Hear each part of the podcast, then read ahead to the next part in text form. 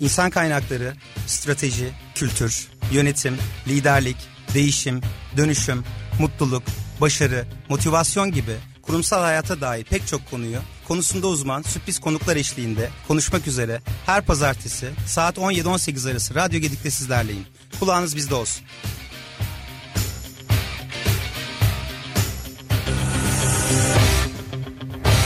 Kurumsal yönetim başlıyor.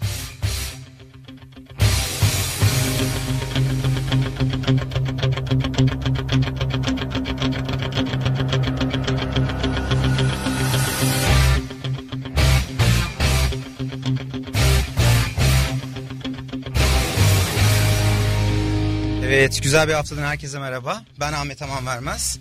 Kurumsal yönetim programımızda bugün ülkemizdeki ve yurt dışındaki çalışma koşullarının farklılaştığı alanlar, e, çalışan ve işveren boyutunda markalaşma, genç çalışanlar ile yıldız e, liderler arasındaki yaklaşım farklılıkları ve bu konularla doğrudan bağlantılı olan iletişim kavramları üzerine çok keyifli bir bir saat birlikte olacağız. Bu haftaki konuğum Global Kapital Grubu'nun üst düzey yöneticisi, aynı zamanda yönetici koçu sevgili Harun Taşçı. Harun hoş geldin. Ne iyi ettin de geldin, davetimi kabul ettin. Çok teşekkür ederim öncelikle. Hoş bulduk. Ben asıl e, nazik davetiniz için teşekkür ediyorum. Ee, şimdi tabii e, çok keyifli konularımız var. E, bunları sabırsızlıkla bekliyorum. Öncesinde eğitim hayatından başlayarak kariyer yolculuğun hakkında e, kısaca bir geçiş yapmanı istiyorum. Tabii e, memnuniyetle. İstanbul'da doğdum. 96 yılında e, Kıbrıs Doğu Akdeniz Üniversitesi'nde makine mühendisliği bölümünden mezun oldum. 98 yılında işte 16 aylık Asteğmen askerlikten sonra 98 yılında TEMSA'ya e, makine mühendisi olarak iş makineleri bölümüne girdim. E, oradaki mühendislik e, kariyerim boyunca işte bir 3-4 sene sonra geldiğim noktada kariyerimde hedeflerimle e, örtüşmediğine karar verdim. E, tabii ki sistemle ilgili bazı problemler de vardı. E, firmadan kaynaklanan değil. E, bir nevi de yöneticimle ilgili e, bazı problemlerim oldu. İşte beni kendi değerleriyle motive etmeye çalışan bir yöneticim vardı. Bir nevi e, işte sadece kazanmaya odaklanan e, ya da beni sadece fazla maaşla motive etmeye çalışan bir yöneticiydi. Tabii ki benim e, o zamanlarda geldiğim noktada gerçekten e, çok çabuk sıkıldığımı, motive olamadığımı fark ettim. Sonra bunun e, sebeplerini kendimde aramaya başladım. Yani ben miydim tembel olan, ben miydim e, işte sorumsuz olan, çok çalışmak istemeyen. Sonra kendimi bir yerlerde sabot ettiğimi fark ettim. Çünkü benim değerlerim farklı değerlerdi. İşte onaylanmak gibi, merakımın giderilmesi gibi, idealizm gibi, sosyal temas gibi, statü gibi, huzur gibi değerlerim vardı ama yöneticim daha çok e, işte sayılar, satışlar, e, kendi değerleriyle beni motive etmeye çalıştığı için ben e, bir süre sonra artık sıkılmaya başladım. Burası iyi gideceğim memleket gibi. evet. Ve bir laf vardır aslında zannedersem e, Edward Deming'in söylediği hı hı. iyi bir insanı, iyi bir çalışanı kötü bir sisteme koyun. Her seferinde sistem kazanır evet. E, dolayısıyla ben de burada e, bir iyi insan daha e, kaybolmasın diyerekten kendimi işimden azat ettim diyebiliriz. Peki. Bir şekilde sabote ettim ve e, insanlar bazen kendi çıkışlarını kendileri hazırlarlar. E, dolayısıyla kendimle e, o zamanlar e, yaptığım en önemli konuşmalardan birini yaptım. Ve e, bunun neticesinde de e, yurt dışına gitmeye karar verdim. Tabii çok fazla seçenek yoktu. İşte Kanada, Amerika, Avustralya. Bundan 20 sene öncesinden bahsediyoruz. Evet. Ee, daha Google yok, Twitter yok. Ee, bilgiye ulaşmak o kadar kolay değil. Ee, dolayısıyla bulabildiğim bütün donelerle, bilgilerle Kanada'da Vancouver şehrine yerleşmeye karar verdim. Tabii uzak bilinmez bir yani ülkede bilinmez bir yolculuğa çıkmış bulundum. Ee, tabii bu yolculukta e, başıma tabii ki 20 yıl boyunca inanılmaz e, kariyer anlamında e, tecrübeler, e, yanlışlar, doğrular, e, batmalar, çıkmalar e, birçok şey yaşadım. E, gazeteci dağıtıcılığından tutun e, filmlerde figüranlığa, e, marketlerde erzak taşımaktan en son global şirketlerde e, C-level üst düzey yöneticiliğe kadar uzayan bir kariyer hayatım oldu. Sistem de kazandı sen de kazandın. Biraz öyle diyebiliriz. Böyle baktığımızda. Evet.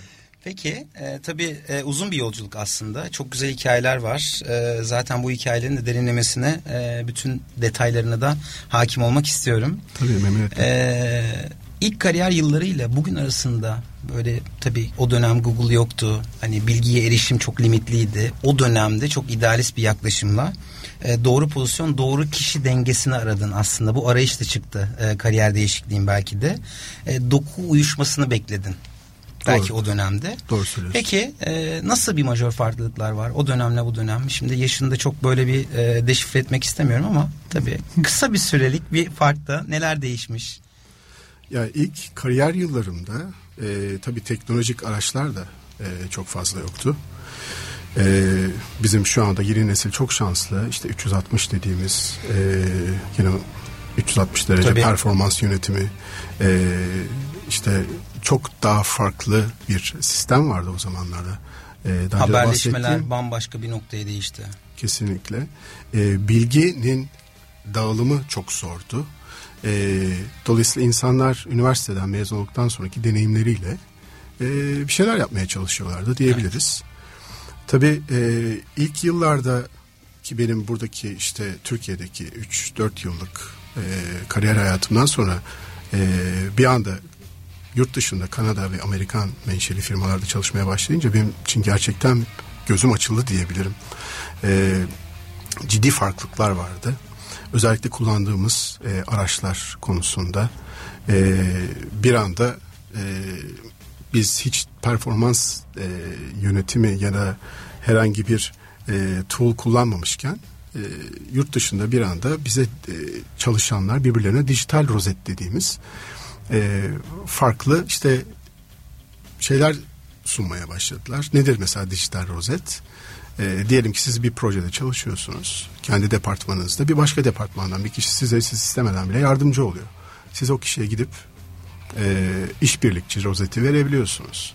Bütün bu rozetler toplanıyor. Tabii ki o çalışanın kendi e, müdürünün de vereceği performansla beraber e, toplandıktan sonra bir e, kişinin genel olarak sadece müdüründen değil çalışanlarıyla takımında ve diğer takımdaki çalışanlarıyla beraber e, performansı ortaya çıkıyor. Ben böyle bir şeyle hiç karşılaşmamıştım tabii ki Türkiye'de. E, bu çok büyük bir farklılıktı. Onun dışında e, tabii ben Kanada'ya gittiğim zaman IT okudum. Yani mühendisliği çöpe attım diyebiliriz. Hı hı.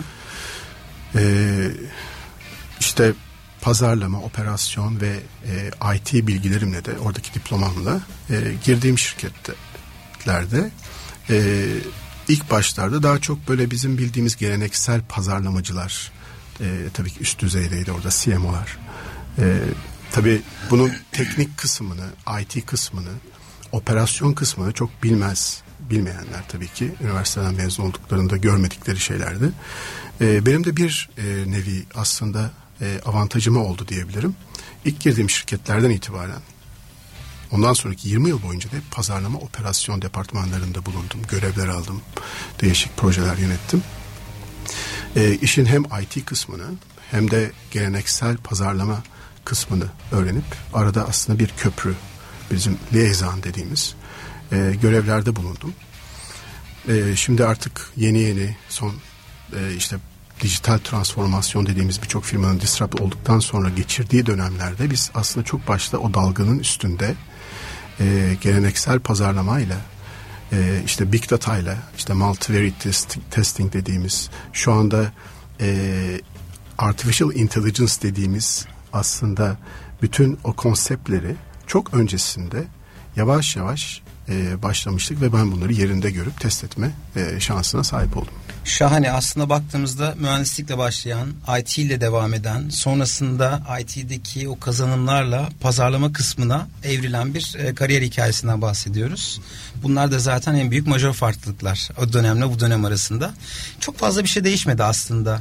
E, delilik hani aynı şeyi tekrar tekrar yaparak farklı sonuçlar beklemek. Ufacık bir farklılıkla aslında birçok noktada da olumlu iş sonuçlarını görebiliyoruz. Doğru söylüyorsunuz. E, böyle baktığımızda Ee, özellikle şimdi çalışma koşullarına da bahsetmek istiyorum. Ee, Tabii. Performans yönetimi dedin o dönemde. Bir Türkiye'ye baktığımızda e, o dönemde belki Türkiye'deki gelişen koşullarda da performans nedir ki biz bunun bir de yönetimini yapalım şeklinde bir yaklaşım vardı belki de.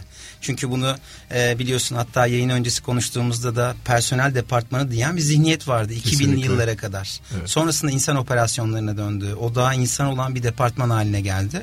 Dolayısıyla burada en önemli konulardan bir tanesi özellikle kurumsal yönetimde bu çalışma koşulları. Hani e, doku uyuşmazlığı dediğimiz, şirket kültürü dediğimiz, çalışanın değerleri dediğimiz e, doğrudan bağlantılı olan e, özellikle çalışma koşulları. Peki buradaki nasıl bir farklılıklar var? Türkiye ile yurt dışındaki çalışma farklılıkları? İşe alım e, aslında aşamasından başlayarak çok büyük farklılıklar var. E, yurt dışında diyelim ki bir data analist işe alacaksınız. Kendi departmanınıza. Diyelim ki pazarlama operasyon departmanına. E, o kişinin daha ilk iş görüşmelerine sizin departmandan tabii ki o data bölümünün e, müdürü giriyor. Ama onun dışında satıştan da giriyor. Müşteri hizmetlerinden de biri giriyor. E, pazarlamadan giriyor. IT'den giriyor. Çünkü sonuçta bu data analist e, o departmanlarla çalışacak. O departmanlardaki e, çalışan insanların da e, bir nevi e, kültürel olarak e, uyuşma durumu var. E, tabii bu pek Türkiye'de gerçekleşmiyor. Yani Türkiye'de bir anda adamı elinden alıp geliyorlar. Diyorlar ki alın bakalım bu data Çalışın analist. bununla. Aynen öyle. Yeni data analistiniz. Ahmet Bey diye. Evet. Dolayısıyla e, tabii ki bu alındıktan sonra işe bir e, sonraki stepte de kültür uyuşması çok önemli. Yani şirketlerde vizyon, şirketlerde misyon e, bunlar çok e, göz ardı ediliyor diyebilirim. Yani şirketin nereye gittiğini e, en alt seviyedeki bir çalışandan en üst seviyedeki e, birine kadar e, bunun bilgilendirilmesi yapılıyor yurt dışında. E, yani çok tabiri caizse komik, komik olabilir ama bir çaycıya bile sorsanız yurt dışında e, şirketin vizyonunu bilebilir. Biz öğretiyorduk öyle söyleyeyim size. Şahane. Onun dışında işte uzaktan çalışma yöntemleri yani yurt dışında ve TR yani Türkiye'de ve yurt dışındaki farklılıklar çalışma koşullarında uzaktan çalışma e, inanılmaz derece takip e, monitoring yani monitör etme sistemleri çok gelişmiş durumda olduğu için e, çalışanlara illa işte ofise gelsinler. E, 9'da bilgisayarını açsın, 6'da kapatsın, evine gitsin e, gibi yöntemler kullanılmıyor. Çalışma saatlerinde inanılmaz esneklikler var. E, bu sistemleri e, kullanarak performans yönetimi de yapılabiliyor. E, işte çalışana emeğe daha çok saygı diyebilirim, daha çok takdir var. E, işte biraz evvel bahsettiğim gibi çalışanların birbirine dijital rozet dağıtabilmesi. Mesela bu çok enteresan geliyor bana. Onlar bile aslında bir nevi takdir oluyor. E, çok kısa bir örnek vereyim. E, ben burada çalıştığım sürece Türkiye yani 20 sene öncesinde e, CEO'nun yüzünü görmezdik. Yani aslında e, ama yurt dışındayken ben hiç unutmuyorum daha birinci haftamdaydı. E, çalıştığım şirkette tabii orada genelde hep uzun masalardır pek bölümler yoktur. Bir anda yanıma geldi. Baktım CEO. E, sırtımı sıvazladı. Nasıl gidiyor dedi. E, bunlar pek Türkiye'de e, gerçekleşmiyor diyebilirim. Farklılıklar açısından. Gençlerin dinlenmesi de pek yok.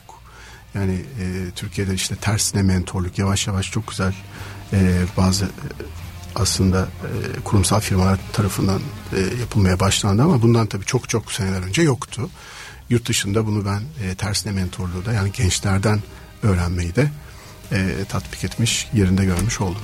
Çok güzel. Aslında baktığımızda majör farklılıklar olarak e, özellikle e, yurt dışında e, çok ciddi bir oranda sisteme bir eğilme var.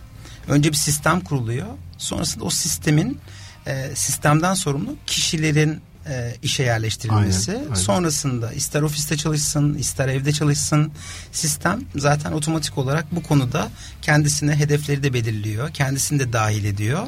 Bunu da e, yapan liderler de e, geliyor çalışan çalışma arkadaşlarıyla ast üst ilişkisi olmadan ne yapıldığından ziyade nasıl yapıldığını ön planda tutmak anlamında biraz daha önemsiyor çalışanı. Aslında çalışan gelişimi konusunda da desteklediğini gösteriyor. Böylelikle e, siz çalışanları dahil etmiş oluyor. Motive etmiş fikirlerini oluyorsunuz. motive etmiş oluyor. Dolayısıyla şimdi aslında güzel bir geçiş de olacak. Şimdi liderler arasındaki farklılıkları da merak ediyorum. Özellikle Türkiye'de ve yurt dışında.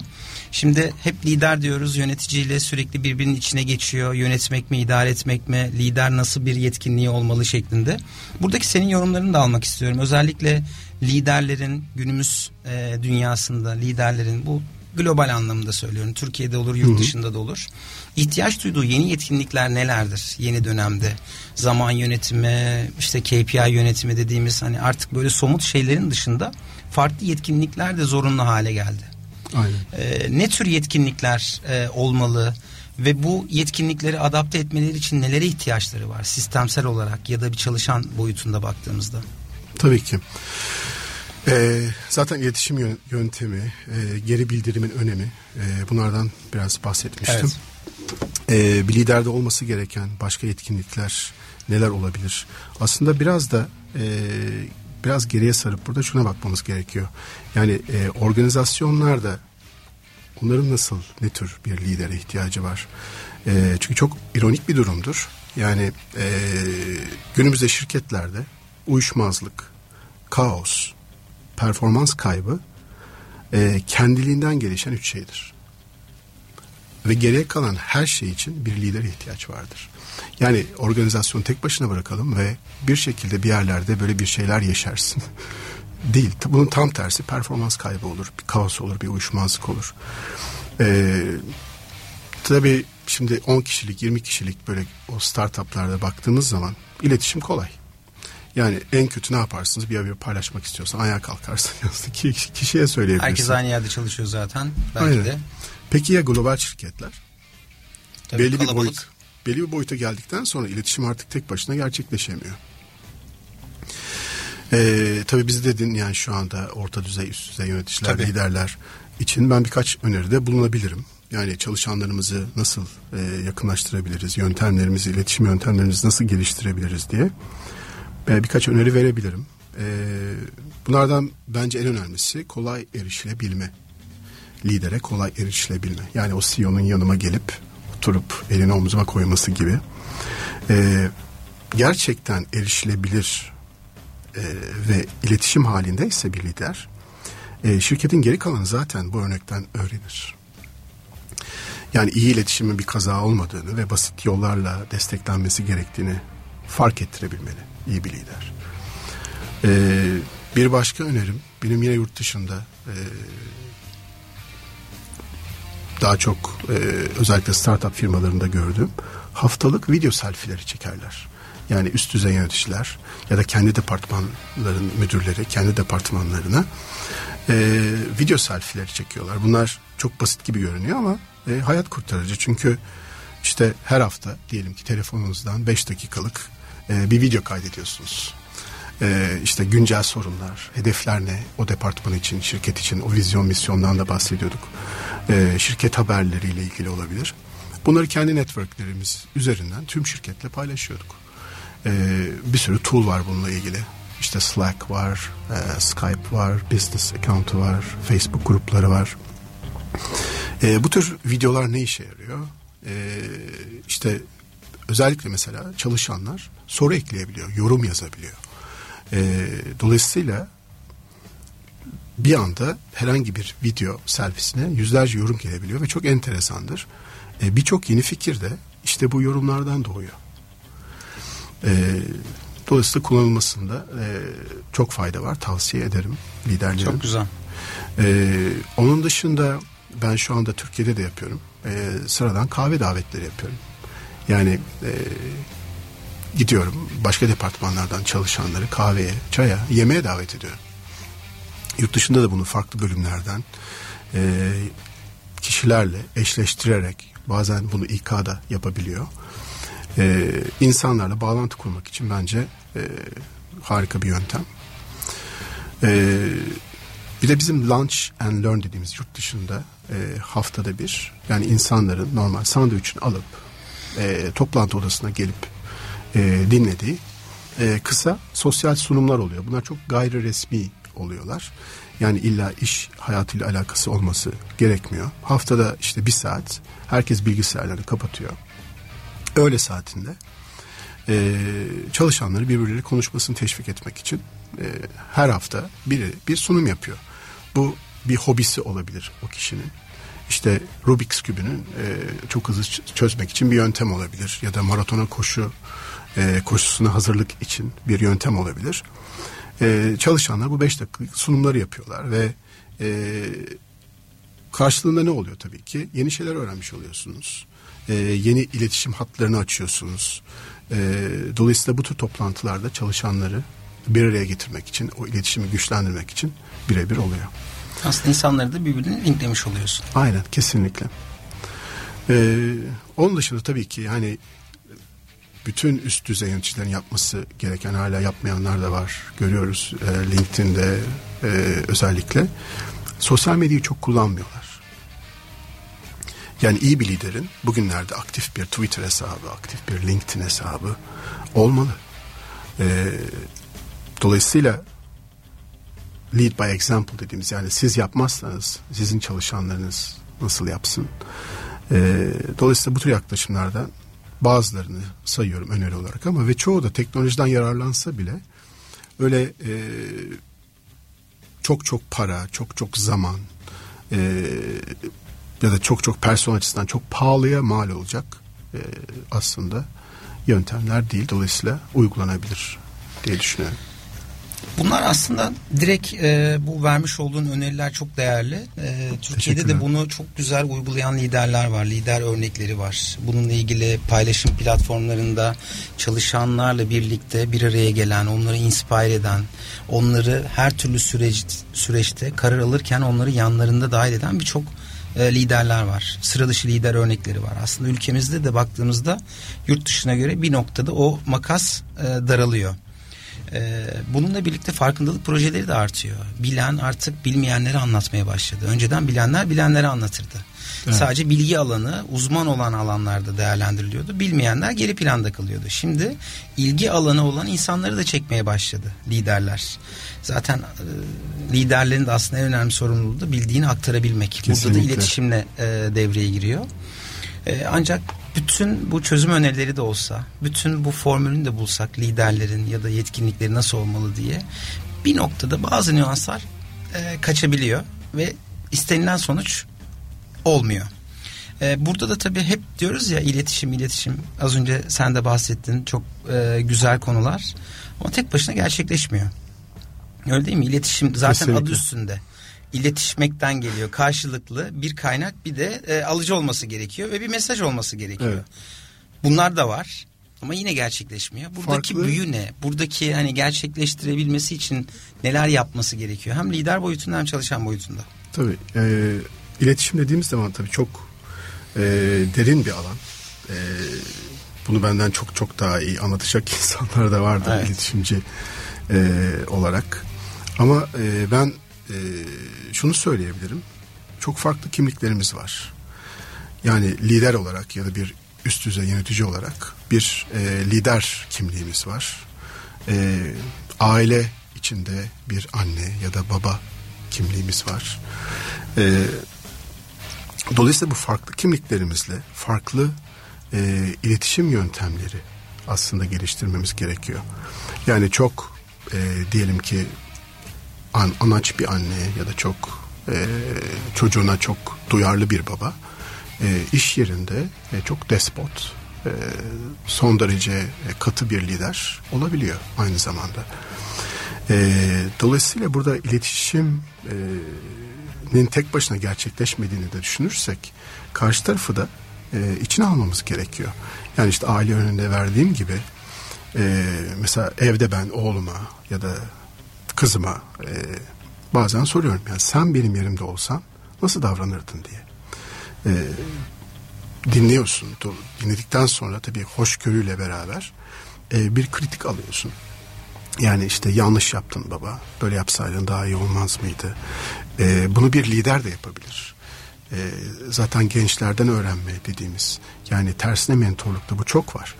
E, ben şu anda çalıştığım şirkette bunu yapıyorum. Ben nasıl daha iyi bir lider, daha nasıl daha iyi bir yönetici olabilirim? Nerelerde yanlış yapıyorum? E, diye sorular soruyorum ve e, oradan aldığım geri bildirimle e, kendimi sürekli e, iyileştirmeye, geliştirmeye çalışıyorum. Ee, burada profesyonel koçsun aynı zamanda. Yönetici koçluğu da yapıyorsun. Doğru. Bunun bambaşka bir disiplini var. Ee, bu alanda da koçlukların aslında en önemli iki tane sorusu var. Bir durum var ortada. Evet. Bu durumu değiştirebilir misin? Ya da mevcut bu durumu kontrol altına alabilir misin? Bunları karşı tarafa anlattırdığımız sürece yani kişiye aynı tuttuğumuz sürece aslında çözülüyor. Ee, ancak kolay olmuyor. Kolay değil. Mümkün. Evet. Ee, burada da bir takım daha detaylarda insanların hep bahsediyoruz konfor alanına giriyoruz. Ee, bununla birlikte insanların o kaslarını hazır hale getirip aksiyona geçmesi konusunda insanları teorikten pratiğe dönüştürme konusunda da bazı e, güzel ipuçları var.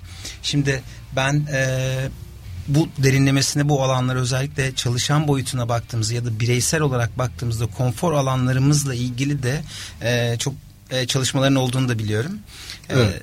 Devam etmek istiyorum bunlara. Öncesinde bir müzik arası verelim. Tabii Sonrasında ki. konfor alanı ile birlikte devam edelim olur mu? Tabii ki memnuniyetle. Harika.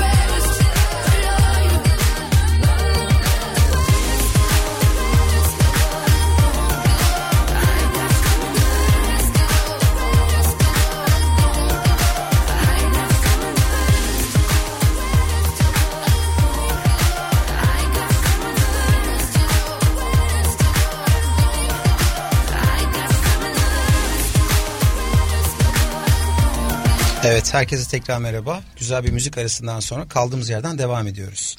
Harika. Nerede kalmıştık diye böyle e, hocanın e, öğrencilerine sorduğu gibi e, konfor alanında kalmıştık. Doğru. Evet. Böyle evet. devam edelim. Konfor alanı deyince ne anlamalıyız ne anlamamalıyız? Evet e, şimdi konfor e, dediğimiz zaman aslında birkaç farklı evresi var bunun diye düşünüyorum. Konfor bölgesi dediğimiz bölgede işte kendimizi güvende hissettiğimiz e, birçok şeyi kontrol altında tutmak istediğimiz bir bölge diyebiliriz. E, işte kendi hayatımdan örnek vermek gerekirse işte daha önce bahsettiğim gibi e, Temsa'da çok güzel bir işim var. Altımda işte Sabancı'nın verdiği son model Toyota araba var. Her şey güzel gidiyor. Her şey yolunda. Değil mi? Evet. Ee, Emekli olana kadar çalışabilirsin aynen, belki de. 20'li yaşların işte evet. sonundayım hala. Ee, kira ödemiyorum, ailemle kalıyorum. Evet. Ee, iyi bir para kazanıyorum. Ee, dolayısıyla gayet konforluyum. Ee, oradan çıkıyorum. Ondan sonra bir anda kendimi e, iterek çalıştırdım bir arabayla. Yurt dışında. Motor sürekli bozuluyordu. Evet. İşte erzak taşırken buluyorum. Cep harçlığı gerekiyor çünkü orada da üniversiteyi bitirmek için. Şimdi e, o bölgeden çıkmak için ilk önce bir sonraki e, halka diyebiliriz bir korku bölgesi var. Yani e, korku bölgesinde genelde insanlar mazeret buluyorlar. E, özgüven eksikliğinden de kaynaklanabiliyor bu. E, ya da başkalarının düşüncelerinden etkilenebiliyorlar. Özellikle ben Kanada gitmek istediğim zaman benim bütün yakın arkadaşlarım, dur. ailem de dahil olmak üzere dur gitme yapamazsın edemezsin. E, bu da enteresan bir şeydir. Yani değil mi? Yani seni seven insanlar e, bir nevi orada sana bir e, set blok oluşturmuş oluyorlar ve senin tabii o korku bölgen iyice büyümüş oluyor. E, ama çok sevdiğim bir laf var. Hiç sahip olmadığın bir şeye sahip olmak için hiç yapmadığın bir şey yapman gerekiyor. Dolayısıyla orada da bir sonraki halkada öğrenme bölgesi geliyor. Yani eğer o korku bölgesini aşabiliyorsan eğer öğrenme bölgesinde bu sefer yeni ya yeni beceriler edinebilirsin. İşte benim için İngilizceyi öğrenmekti, daha iyileştirmekti. İşte geceleri CNN, NBC dinlemekti. O Kanada'ya gideceğim süreci beklerken. Ee, ve zorluklarla ve sorunlarla başa çıkmayı öğrenmek tabii ki diyebilirim. Ee, sonraki halka zaten en son halka aslında e, gelişim bölgesi dediğimiz yani bir amaç olması gerekiyor. Bir amaç bulmanız gerekiyor. Bir hedefinizin olması gerekiyor. E, dolayısıyla oradan da yola çıkarak o hedefleri e, keşfediyorsunuz. Onları fethediyorsunuz. Onları gerçekleştiriyorsunuz. E, tabii ilk başta dediğim gibi insanın gerçekten tutkusunun olması gerekiyor. E, bunu daha sonra da belki başka bir programda da değinebiliriz. Epey uzun bir e, konuşmak gereken bir şey tutku. Tutku zaten olmadığı sürece istediğiniz Hiçbir kadar şey iş sonuçlarını olmuyor. gerçekleştir. E, yetkinliğin çok harika olsun, iş yapabilme kabiliyetin tutku olmadığı sürece insanlar hapis hayatında oluyor. Bununla ilgili zaten Aynen. müthiş başarı denklemin arasında o duygularımız, o passion dediğimiz o tutku olmazsa olmaz. Aynen. Şimdi korku deyince e, çok güzel bir laf var hatta yayın öncesinde Hande ile konuşurken de e, denk geldi yine konuştuk. E, dünyanın en büyük örgütü El Alem örgütü. aksiyon almadan önce herkesin bir yorumu var. Güzel laf. Ee, herkesin e, bir e, seni aksiyona geçirmemek için nedenleri var. Israrla yapmamak adına bir de bir çözüm var. Ancak o problemde kalmayla ilgili insanlar tercih e, yapmak zorunda kaldığında problemleri savunuyorlar. Çözümlerle kimsenin ilgilendiği yok. Dolayısıyla o konfor alanından çıkmak için en önemli şeyin bir amacın olması gerektiğini söylüyorsun. Çok önemli bir e, nokta o yüzden park etmek istedim. Kendi konforlarının bozulacağından dolayı da olmasın sakın. Yani neden bu kadar set blok var? Çünkü onların evet. da konfor alanlarını biraz aslında genişletmiş oluyorsunuz. Evet. evet. Aslında bu tamamıyla değişim yönetimin de bir formülü. Yani e, bir şeyleri o konfor alanından çıkıp belli bir amaç doğrultusunda aksiyon alabilmekte insanların bütün düzende değişiyor. Bütün evet. kasları değişiyor. Bütün o nörobilimde de bahsettiğimiz e, farklı yerlere elektrik akımı gitmesini yapmıyor. Çünkü beynimiz tembel. İlkel beyin özellikle. %70 negatif düşünüyor. Otopilotta ya da. Diyor ki güvende dur. Senin bu enerji ihtiyacın var. İleride sen bunu enerji ihtiyacını kullanmak zorundasın gibi. Konu konuyu açıyor. ee, özellikle korku dediğimiz konfor alanından çıkmamız için o korkularımızdan da sıyrılmamız gerekiyor. Korkuyla yani korkakla e, cesurun arasında da aslında e, çok ince bir nüans var. E, cesur olan da korkuyor. Öyle değil mi? Doğru kesinlikle. Bu korkularına rağmen aksiyon alanlar aslında cesur olan insanlar. Bizim evet bu korku korkma demiyoruz insanlara. Yani cesaret dediğimiz şey aslında her insan e, içinde belli bir cesareti taşıyor. Ama cesaret sadece ve sadece kullanıldıkça artar. Evet. Yani içimizde var o cesaret. Ama onu kullanmadığımız için de e, artmıyor diyebilirim. Evet. Ee, burada Mümin Sekman'ın e, çok güzel bir kitabı var Başarı Bilimi. Ee, orada e, problemi bir sorun olarak görmemek gerekiyor diyor. Bir siren olarak görmek gerekiyor Evet, diyor. Çok evet. güzel bir e, aslında nokta. E, problemlerimiz var. Bu problemlerimize rağmen biz bunlarla yaşamayı öğrenmemiz gerekiyor. Çünkü bir problem bitiyor başka bir. Bu, bu cycle sürekli devam ediyor. E, o yüzden e, konfor alanından çıkmak için belli bir amacımız olması gerektiği e, çok önemli bir tespit. E, ancak tabii bu işler e, kolay olmuyor. Aile var, çalışma arkadaşları var, yöneticiler var. Yani e, sosyal hayat ve iş hayatı birbirine geçmiş durumda. E, burada önümüzde çok büyük engeller var. Ne yazık ki İşi batırabilme ihtimalin var. kesinlikle Evet. E, bazen olmaz diyoruz işte olmuyor. Ancak e, buna rağmen de e, devam ediyor olmamız gerekiyor.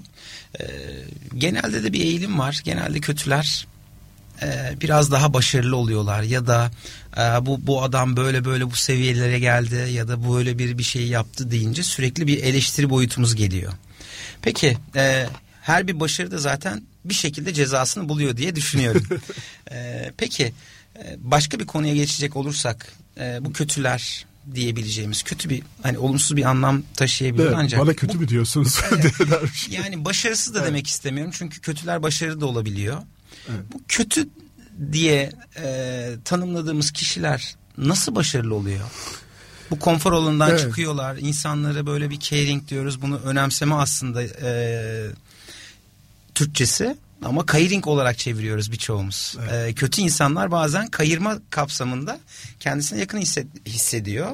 Liyakat devre dışı kalıyor falan filan. Bu uzadıkça uzuyor. Peki evet soruma geri dönecek olursak. Kötüler neden başarılı oluyor?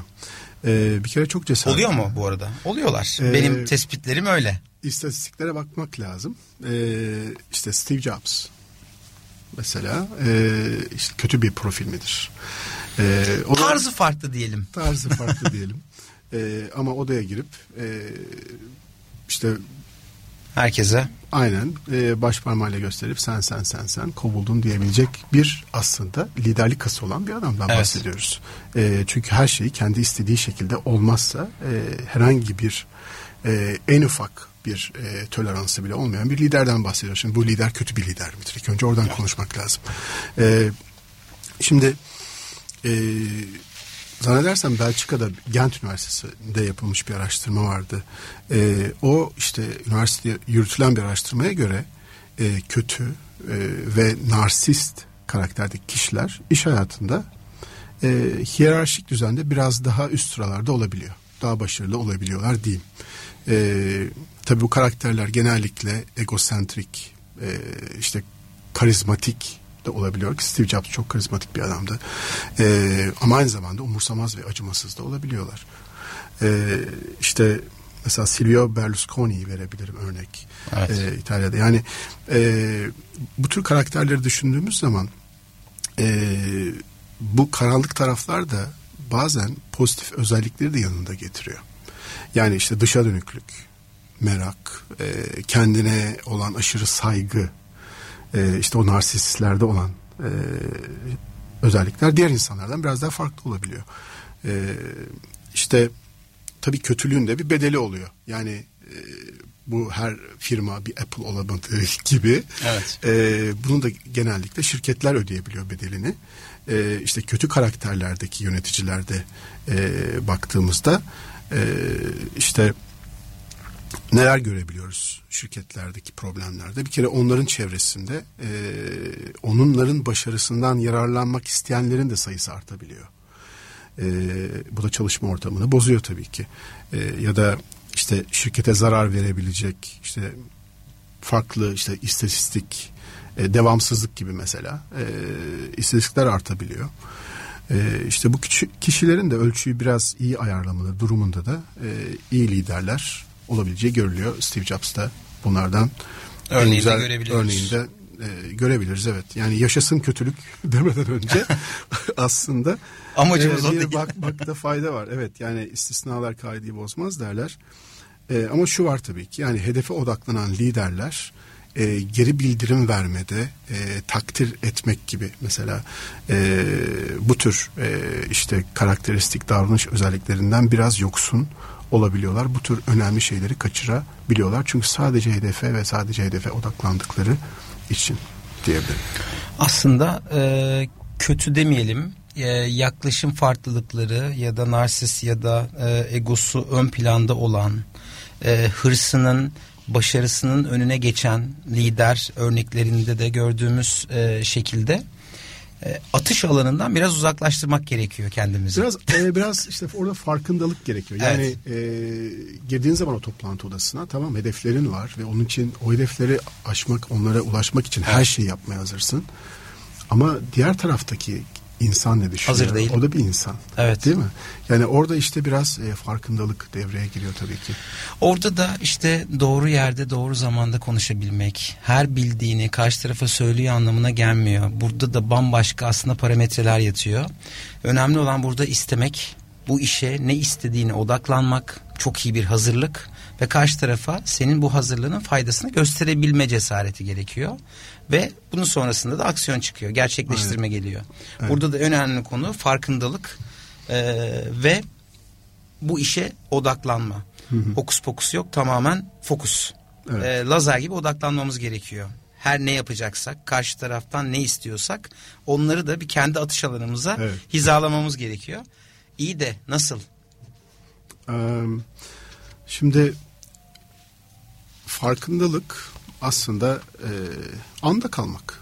Yani her an e, yorumlama, yargılama yapmadan e, işte hissettiğin e, şeyi yoğun şekilde farkında olma eylemi aslında. Pardon.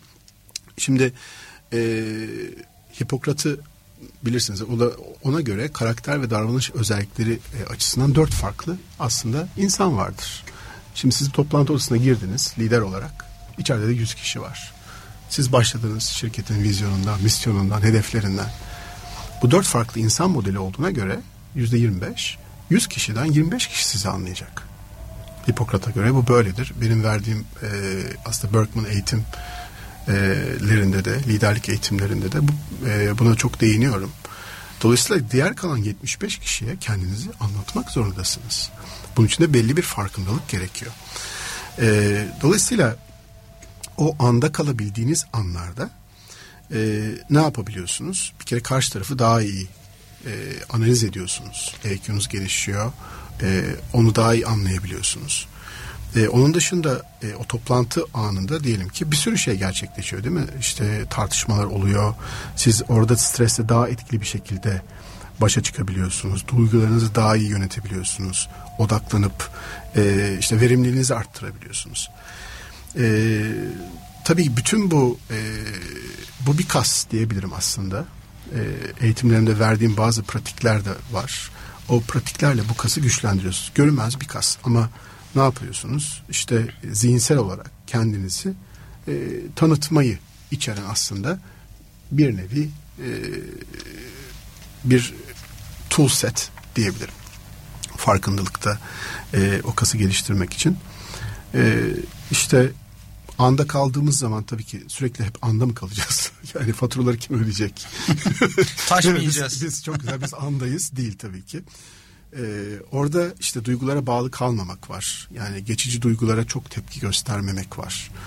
Ee, işte merak etmek var, soru sormak var, sakin ve kontrollü davranmak var, empati kurmak var. Ee, işte dikkatlice dinleyerek e, o mükemmeliyetçiliği bırakmak var aslında. E, dolayısıyla insan biraz daha çok özüne döndüğünde biraz daha böyle iç dünyasını izlemeye başladığında o dikkat kaynaklarını da yönetebilirse eğer e, yavaş yavaş işte o ana geçmiş oluyor ve o anda çok doğru kararlar verebiliyor. E, işte Malcolm Gladwell'in bir kitabı vardır Blink diye mesela yani göz kırpma hızıyla doğru karar verebilme. E, işte orada gerçekten birçok şey bir araya gelmesi gerekiyor. Tabii ki yani andayım ben çok güzel her şey harika olacak diye bir şey yok.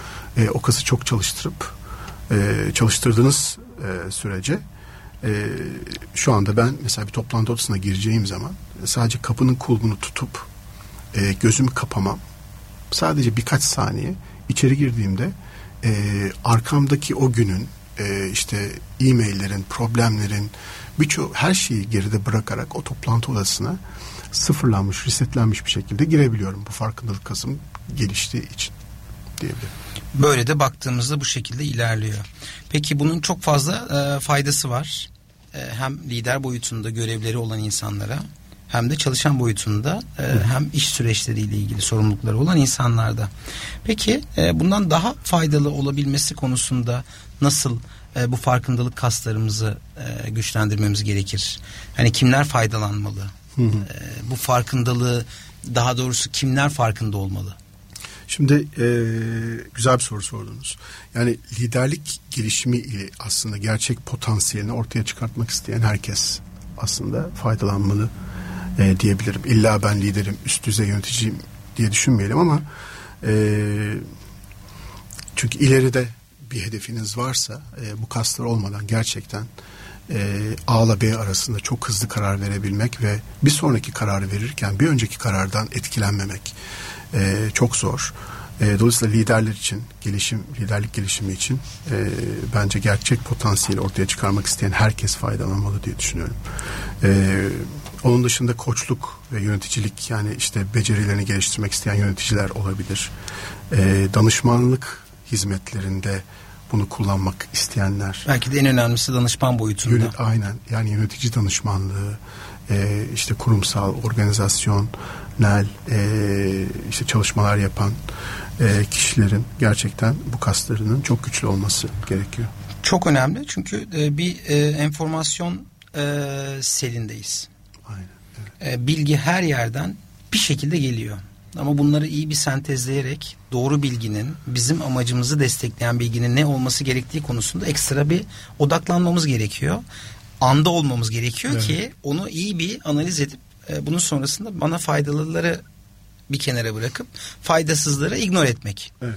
E, bu konuda da danışmanların çok büyük sorumluluğu var aslında. Çünkü danışman dediğinizde adı üstünde e, kişiye uzmanlık alanları ile ilgili karşı tarafa e, ne yapılması gerektiği konusunda bilgi aktarımı yapıyorsun. Hı hı hı. E, sadece tek bir müşterin olmuyor, tek bir çözüm ortağın olmuyor. Aynı anda gün içerisinde belki 10 e, farklı e, kişiye bürünüyorsun bir evet, danışman olarak. Tek bir çözüm de olmuyor.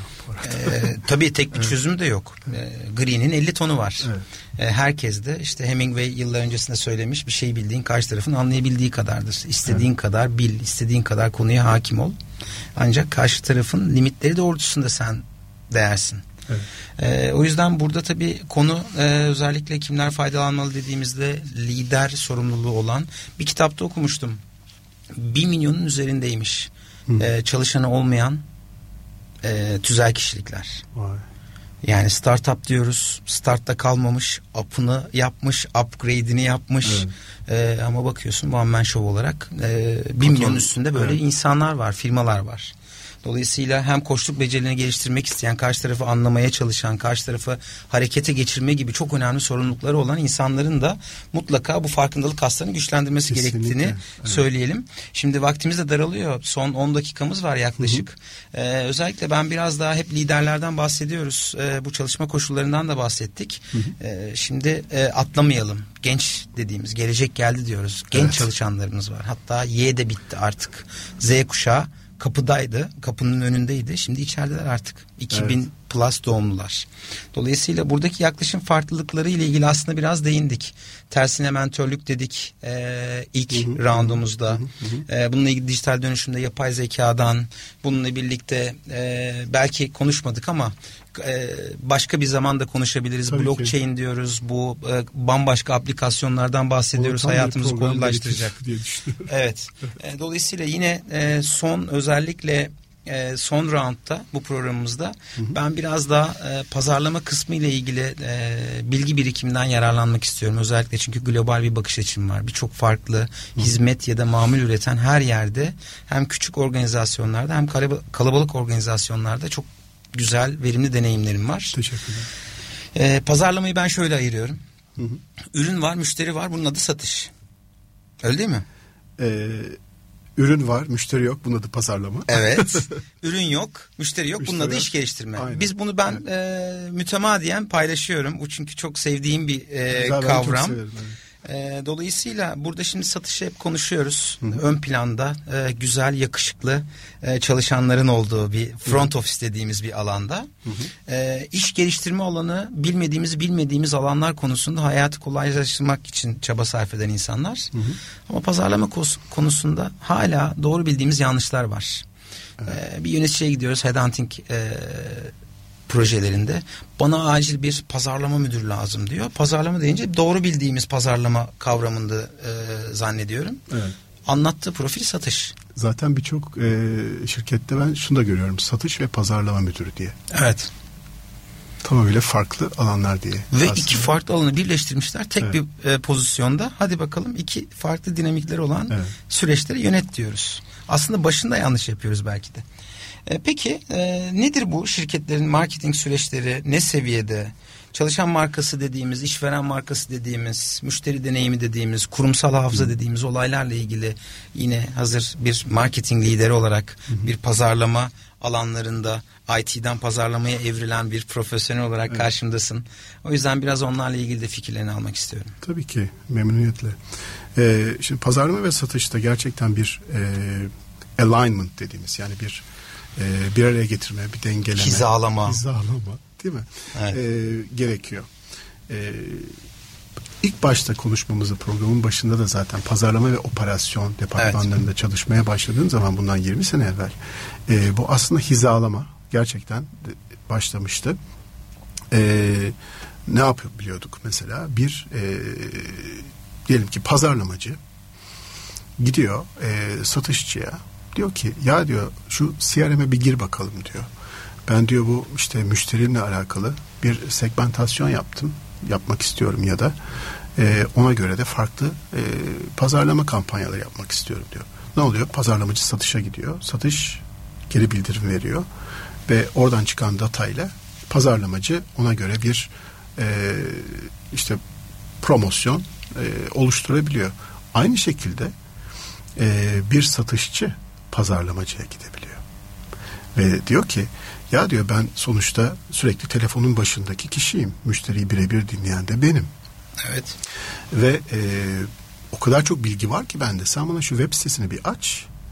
Ben sana neyin nerede olması gerektiğiyle alakalı bak bu promosyonu buraya koyma bunu bir üste koy çünkü buradan daha çok satış gelebiliyor e, diyebilmesi aslında. Yani o hizalama biraz o. E, iç içe olması ama aynı zamanda kendi klasmanlarında, kendi alanlarında çok farklılıklar gösterebilmesi. Ee, ürünün pazara uygunluğunda mesela. Yani ürün çok güzel, fikir çok güzel. Startupları görüyorsunuz. Her gün açılıyor. Değil mi? Onlarcası. Peki pazar uygun mu? Ürün için. O an için. Ürün pazarlaması yani product alignment'ı var mı? Ee, ona bakılmıyor. Müşteri deneyimine çok fazla e, girmek istemiyorum. Yani saatlerce aslında evet. konuşuruz. E, ama sonuçta bu bir cycle'sa eğer e, şirketlerin bütün bu marketing süreçlerini e, tek tek ele alıp e, işte customized, personalized messaging dediğimiz yani o IoT ile işte machine learning ile e, iç içe geçmiş bir şekilde big data'yı kullanarak e, o süreçleri kullanan artık günümüzdeki firmalar e, belki bundan 50 sene sonra ayakta kalacak. Diğerlerinin hepsi disrupt olacak. Yani evet. işte en güzel örnekleri vardır. Yani Blockbuster gitti, Netflix geldi. Değil mi? Ya da işte ne bileyim Kodak gitti, Instagram geldi. Evet. Gibi.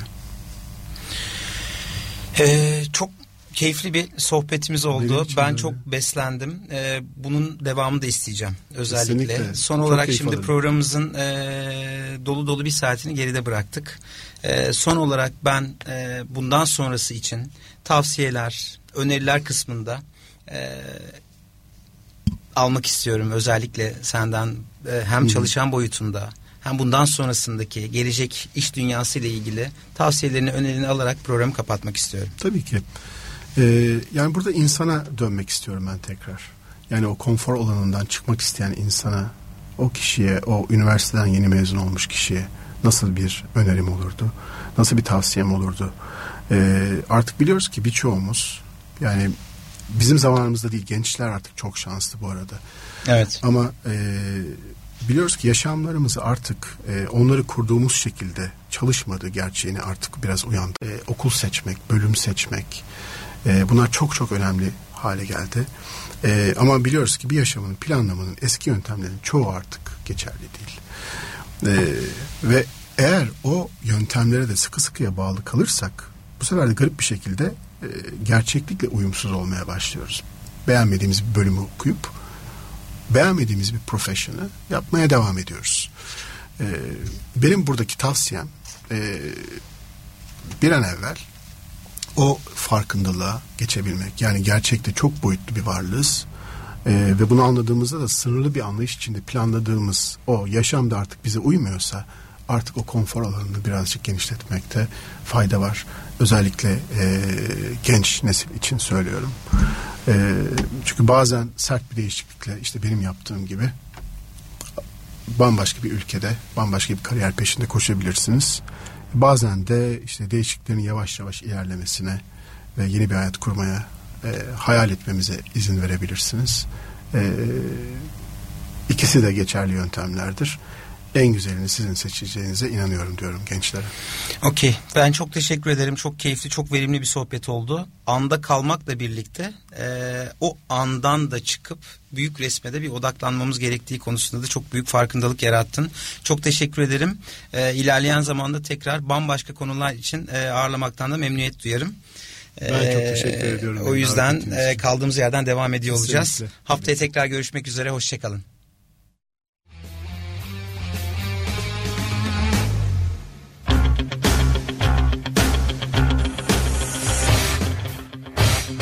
Kurumsal yönetim sona erdi. Yani işte üniversiteden itibaren